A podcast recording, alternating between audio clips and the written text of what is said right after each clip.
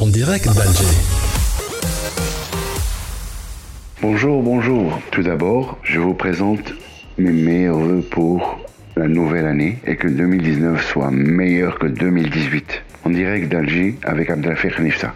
À l'occasion du premier forum d'Algérie Télécom, cette dernière a tenu à honorer le docteur Belgas Habba, chercheur algérien et scientifique en microélectronique, qui a présenté un talk sur les opportunités de création d'entreprises et start-up. La conférence a eu lieu à l'Opéra d'Alger en présence de plusieurs centaines d'étudiants, du staff d'Algérie Télécom, mais aussi d'universitaires, d'entrepreneurs et de tous ceux qui sont intéressés par l'informatique, l'Internet et l'entrepreneuriat. Dans son talk, le docteur Belgas Habba décrit son parcours de réussite et les défis auxquels il a été confronté et qui ont été relevés. Il a exposé son expérience concernant les opportunités de marché. Il a commencé son discours en disant que je voudrais vous prouver que même si je n'ai pas eu l'électricité jusqu'à l'âge de 12 ans, j'ai pu réaliser de grandes choses, tout en donnant l'exemple d'un jeu de géographie qu'il a inventé à 12 ans et qu'il a déposé son brevet 40 ans plus tard pour lequel il a pu avoir plusieurs prix. Il s'ouvre à la communauté étudiantine et dit Ma carrière est un ensemble de hasards et d'opportunités. D'ailleurs, ajoute-t-il, j'ai choisi de faire physique parce que j'ai lancé un dinar trois fois en l'air et il est tombé sur physique. Il revient sur son parcours, et bien pour son premier brevet, NEC NEC, où il dira que nous étions obligés de déposer six brevets par an, tout en ajoutant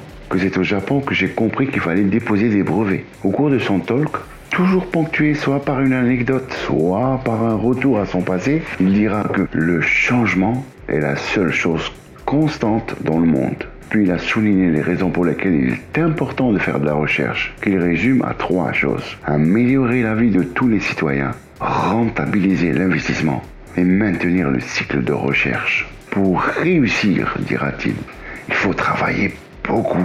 Il dira cette phrase tout au long de son speech, tout en soulignant que je n'ai jamais travaillé pendant les week-ends ni le soir. D'ailleurs, mon ordinateur reste au bureau.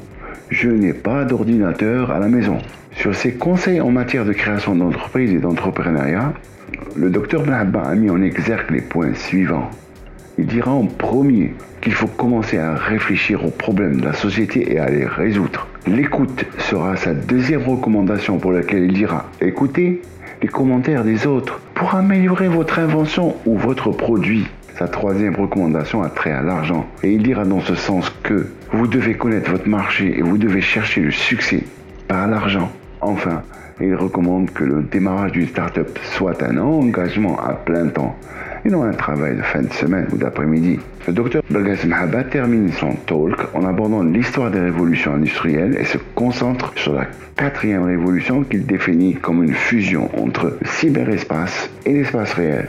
En tant que chercheur et inventeur, il dira que les IoT, le deep learning, l'impression 3D, la réalité virtuelle et augmentée sont entre autres les technologies de base de la quatrième révolution. À savoir, Dr Belgasem Habba détient plus de 500 brevets américains et plus de 1400 brevets, demandes de brevets dans le monde entier. Il figure parmi les 100 inventeurs les plus prolifiques au monde. En 2017, il a ouvert l'Institut Habba en Algérie pour aider les jeunes entrepreneurs. Belgasem Habba est l'auteur de nombreuses publications techniques. Il a également participé à de nombreuses conférences à travers le monde et a été retenu à plusieurs reprises. Ces dernières activités portent sur le développement des technologies 3D pour mobile et serveur. En direct d'Alger.